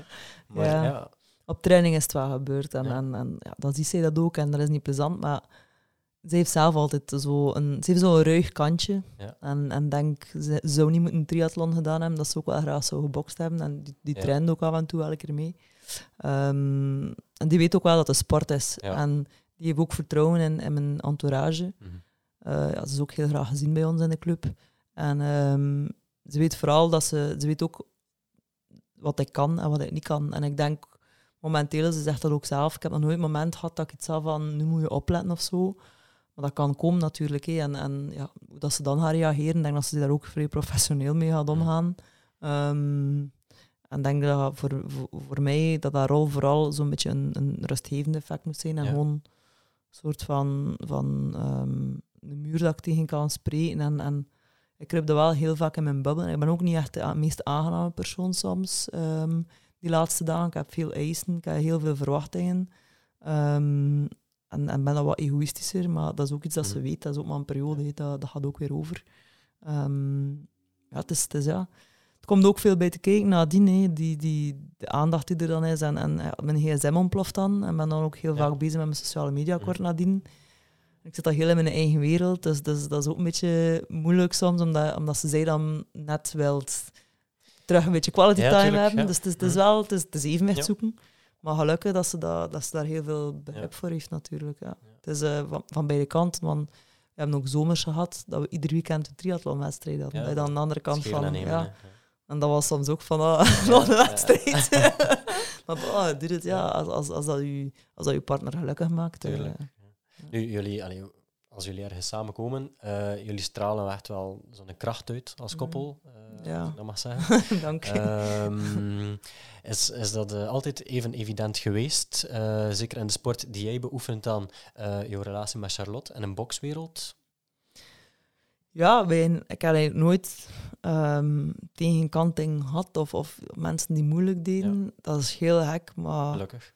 Ja, gelukkig. Um, bewondering wel. En, en ook waar ik train in Frankrijk, heel veel moslims. Dus ja. ja, dat was ook altijd een beetje zoeken van wat, wat kan er, wat kan er niet. Maar na mijn wedstrijden daar ook roep ik Charlotte op het podium en iedereen applaudisseert. En, en ik denk dat ik het geluk heb dat ik een atleet ben die gerespecteerd wordt. Mm. Waardoor dat ik wel het symbool kan dan zijn voor, voor LGBTQIA plus atleten. Ja. Wat ik ook interessant vind, want, want, ik voel dat ook een beetje mijn verantwoordelijkheid om, om te dragen voor, voor, dat, voor dat sensibiliseren. Um, en het is maar door, door het voorbeeld te zijn dat mensen hun ogen een beetje meer gaan, gaan openhouden. Um, dus ja, wij hebben eigenlijk nooit geen, geen tegenkanting ja. gehad. Uh, ja, gelukkig. gelukkig ja. Hoe, hoe, ga je ermee om met het feit dat dat ja, helaas tot op de dag van vandaag nog altijd soms niet zo evident is, en, en zeker in de sport ook? Mm -hmm. um, maar natuurlijk bij de vrouwen dat dat iets gemakkelijker is dan bij mannen. Um, en nu ja, het, het, het transgender verhaal is ook iets die, die meer en meer naar boven komt.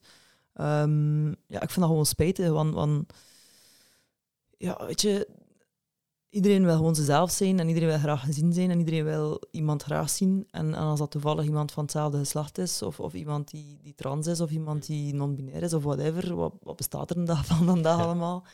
Um, ja, liefde is gewoon basic. En ik denk dat, dat iedereen gewoon elkaar moet ervaren, like hoe dat ze zijn. Um, en, en vind het jammer dat er nog zoveel taboe rond is, zeker in sporten. Ja. En, en zeker dat er daar ook geld van afhangt, sponsordeals en whatever. Maar uh, ja, met, met Oud voor de Win zijn wij al twee ambassadrices en, en proberen we aan, op die manier wel zo'n beetje een boegbeeld te zijn voor ja. andere mensen.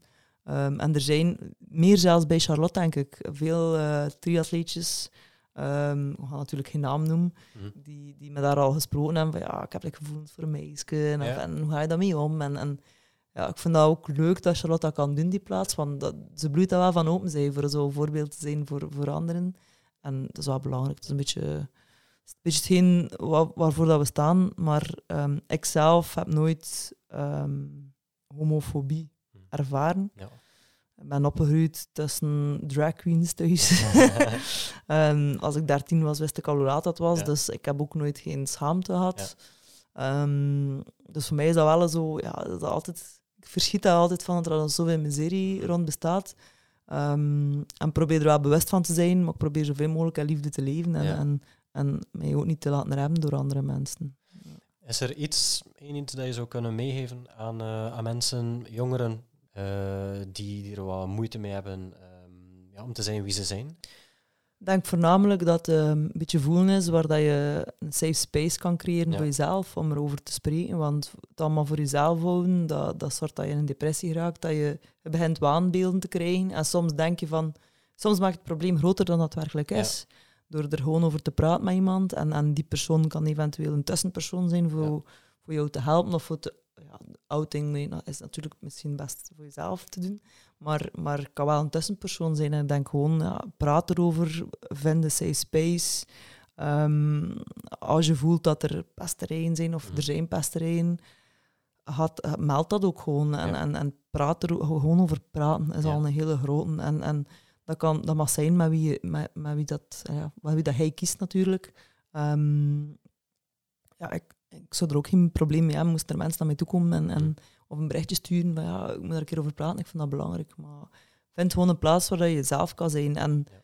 bij de mensen, zeker bij jonge mensen die zo nog een zoektocht hebben naar een vriendenkring en, en weet ik veel wat, als je vrienden niet aanvaarden, zijn het gewoon geen vrienden. Ja. Snap je? Hetzelfde, familie blijft natuurlijk familie, maar je moet duidelijk je grenzen ook aangeven. En, en we, zijn, we zijn 2023, zeker in België. Um, zou dat geen probleem meer mogen zijn. Um, maar gewoon, ja. Het is, het, is, het is jammer dat er nog is. En het is jammer dat er nog heel veel provocatie moet zijn om te sensibiliseren. En dat vind ik wel, dat vind ik gewoon spijtig, omdat draai rond liefde, ja. Het is, ja. Het, is, ja, het is iets dat iedereen wil en iedereen wil ontvangen. En het wordt zo in een, in, in een hoekje geduwd soms. Um, en het is soms wel pijn voor te zien dat sommige mensen daar zo mee, uh, zo mee sukkelen of zo. Of, nu, daar, daarbij aansluitend, uh, Ocean, het is ook uh, net week uh, tegen pesten. of week tegen pesten geweest hier. Bij Sportivac besteden we er ook veel aandacht aan. Uh, zeker ook, we trekken dat door in de krokusvakantie op al onze sportkampen. Dat dat heel duidelijk is dat dat niet, dat dat niet kan.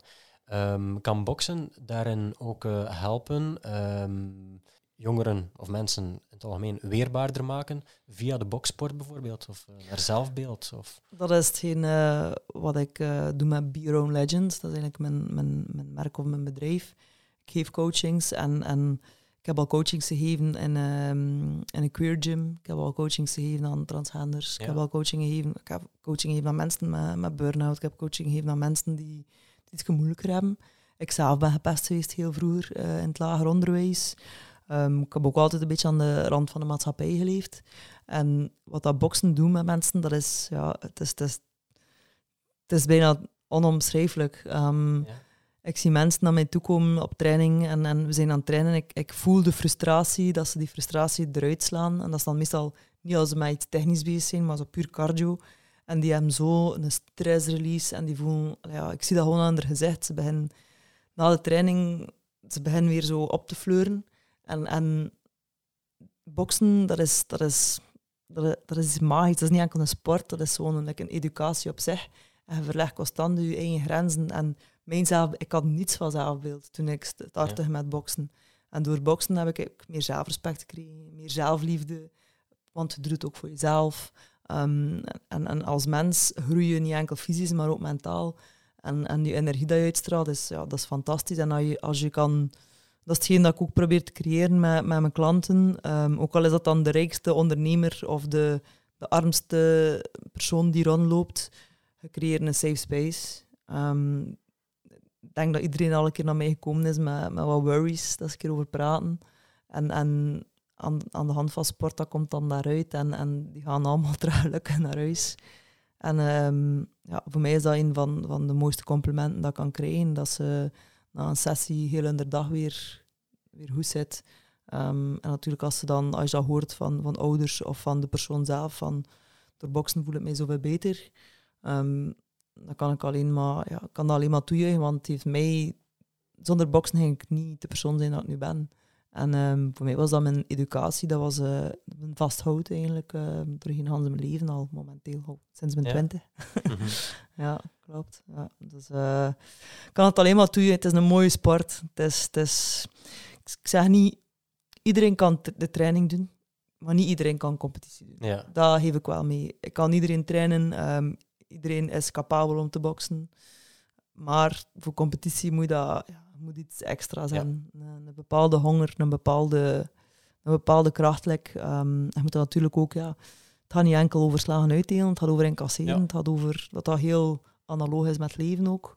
Um, en daardoor word je natuurlijk weerbaarder. Um, maar uh, het gaat hem ook heel veel over uh, gevoelens controleren en emoties controleren, dat vooral. Uh, en niet impulsief zijn. En ja, het is, ik zeg, het is, het is, um, het is levenswijsheid, boksen. en dat is juist zo mooi aan, aan de sport. Absoluut. absoluut. Zo gelaagd, het is, uh, het is niet normaal. Ja. Um, Oké, Ocean, uh, Charlotte hebben we het nu ook al over gehad. Uh, dan is er nog één iemand die we zeker niet mogen vergeten ook. Ah ja, Marcel. Marcel. Mijn liefste zon. Je bent een grote dierenvriend, hè? Ja, ja. Marcel is... Um, ja, dat is... Uh, we hebben geen kinderwens, dus dat is ja. een beetje ons kindje. Ja. Um, Welke ras is het? Dat is een Stafford. Ja. ja natuurlijk aanzien geen, als... boxer. Nee, geen een boxer, nee. ik, heb wel, uh, ik heb wel een vriendin die een boxerskennel heeft. Uh, superleuk. Maar um, vroeger had ik, altijd, had ik een Franse bulldog. Ik was verzot op, op die hond. Ik had dat gekregen als ik uh, zeven jaar was voor mijn eerste communie. En dat was zo s'nachts wakker worden met zo'n puppy op mijn gezicht. Ja. ja super cool als kind natuurlijk. Um, dan een Franse bulldog geadopteerd. Totdat ik plots um, ja, Stafford en Marcel. En uh, ik zou nog geen andere ras mee moeten hebben. Dat, zijn, dat, is, dat is vrij Dat zijn zo afhankelijke dieren. Heel mensenvriendelijk. Ja. De andere hond is niet zo, is niet zo leuk. Maar dat is gewoon, uh, die is mega fotogeniek. ik ben dat goed gedaan. maar um, ja, het, is, het, is, het, is een, het is een knuffeldier. Ja. Ik kan ermee spelen, ik kan ermee gaan wandelen. En like ook voor training ga ik meestal tien minuutjes zo wat, wat neerleggen. En als ik bij hem lig, zo die, die ademhaling en die warmte, dat brengt mij ook tot rust. En dan kan ik zo even mijn ogen te doen. En dat is gewoon, ja, het is leuk. Je hebt altijd leven in huis. Het is altijd een beetje thuiskomen. En die merkt ook als het zo wat minder gaat, Ja. die komt ook tegen je aanzitten. En, Slim, en ja, dat is, dat, is, dat is fantastisch. Dat is, eh, die missen alleen nog maar de spraak. Ja. Ehm, maar ja, het is soms met een blik weet je meer of genoeg. Maar je kan ook soms, eh, soms als we niet trek gaan gaan wandelen, kan hij wat boos zijn. En dan laat hij dat ook weten Ja. natuurlijk. Maar eh, it's always fun with Marshall around. Goed, als je nog aan stil aan afronden, ehm, wat mogen wij jou nog toewensen in jouw bokscarrière? Goh, in mijn eh bokscarrière vooral ehm, een hele mooie grote kamp natuurlijk. De Droomkamp, waar Ja. we al jarenlang naartoe werken. Toch zeker de laatste drie jaar. En ja, als het kers op de taart mag, een Olympische kwalificatie. En als we nog mo- meer mogen dromen, of hoger op mogen dromen, zou een medaille ook niet misstaan, denk ik. Ehm, en het zou mooi zijn op, om op een mooi hoogtepunt te kunnen eh, afsluiten in mijn, in mijn carrière. Eh, veel mensen, zeker mijn coach, zegt soms, ja, ik kan nog boksen tot de 40. Hm. Maar ik ben ook al een beetje bezig met het plan wat na mijn boksen. Ehm, en ik wil gewoon op een hoogtepunt kunnen stoppen. Ja. En als ik dat allemaal zou kunnen behalen, zouden al mijn wensen toch wel vervuld zijn. Eh, en ook het harde werk zou, zou eindelijk geloond hebben, ik zal het zo zeggen. Absoluut. En, en op persoonlijk vlak? Ehm, op persoonlijk vlak, ja. Ehm, ik heb natuurlijk mijn business dat ik opgestart ben. Ehm, we zijn daar heel, heel hard mee bezig om dat eigenlijk echt groter te maken. En ik wil gewoon business gezien dan, eh, dat is ook een beetje persoonlijk, maar ook niet persoonlijk. Ik wil één mensen helpen. Dat is een beetje maatschappelijk relevant willen zijn. Mm. Ehm, ik vind dat een beetje mijn verantwoordelijkheid. Ook natuurlijk aan de hand van mijn boksen door mensen te helpen. Dat zou wel leuk zijn om een carrière van te maken. Ehm, en persoonlijk, ja, ik wil gewoon nog veel van de wereld zien. Veel mensen leren kennen. eh, andere mensen eh, de, een wereld leren kennen. Ehm, en gewoon, ja, f- eigenlijk moet er allemaal niet zoveel zijn, maar gelukkig zijn met hetgeen dat ik heb en hetgeen dat ik doe. En blijven evolueren. En, en misschien wel na mijn eh, sportcarrière iets meer tijd voor, eh, voor mezelf. Ja. Want dat mis ik soms wel. Ik merk dat wel, dat ik soms eh, te weinig ruimte heb om, om me-time te hebben, wat dat heel belangrijk is. Ehm, maar ik wil nog zoveel. Ja.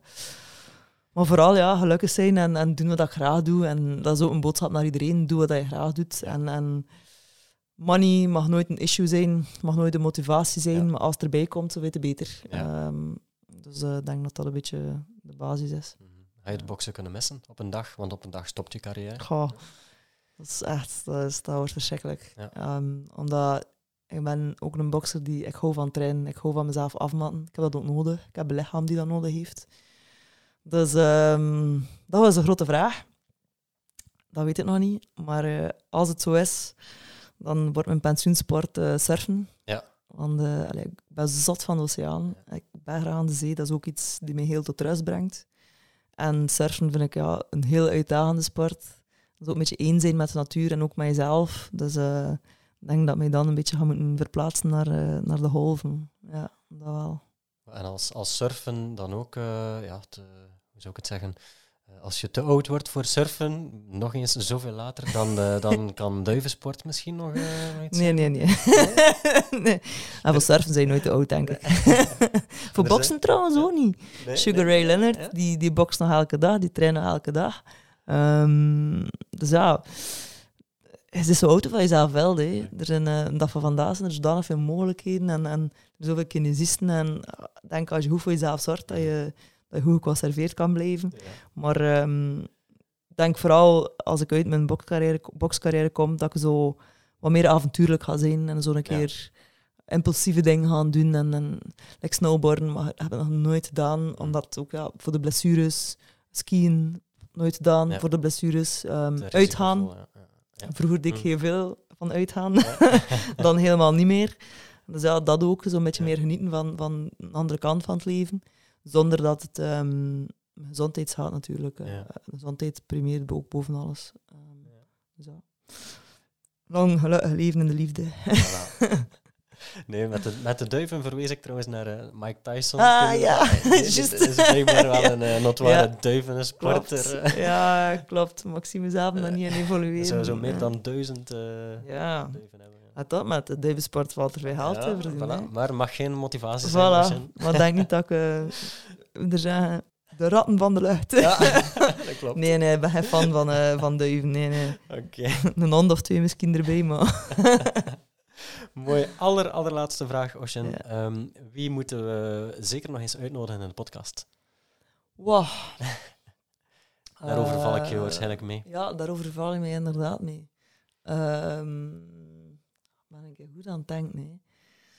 Goh. Jannes Verkaamst, Ken ik persoonlijk niet. kickboxer, thaiboxer. Ja. Ehm, heel wijs. Hij is heel self-educated. Ja. Ehm, is heel veel bezig met voeding, met slaap, met alles rond zijn gezondheid ook. Heel veel coaching. Ehm, en doe binnenkort ook competitie in de Siam Gym in februari Ah, ja. in, in. Hey, Bruno. Eh, maar ik train niet bij Bruno, maar ehm, je staat wel altijd op dat fiche. Ja. Ehm, is de stiefzoon ook van mijn dokter. Ehm, ik heb daar heel vaak contact mee en, en wij, wij praten soms wel een keer over, over voeding en, en hoe dat we het aanpakken en zo. Dus eh, dat is echt wel iemand om een keer mee, mee, mee te spreken. Had dat heel Ja. veel aan hem ook. Ja, Oké. ja. En één iemand buiten het boksen, eventueel? Ik zou zeggen Charlotte, maar die is op pensioen. nee, want die nu wat crossfit, maar eh, Ja. ja, Charlotte is altijd leuk om tegen te spreken natuurlijk. Maar eh, buiten boksen, ehm, ja, dat is, wel een beetje ver. Kimi Meilemans is een beetje ver. Ja, skeleton. Skeleton, Ja, ja. ja Ja. is gekend, toffe kerel, toffe P. zeker.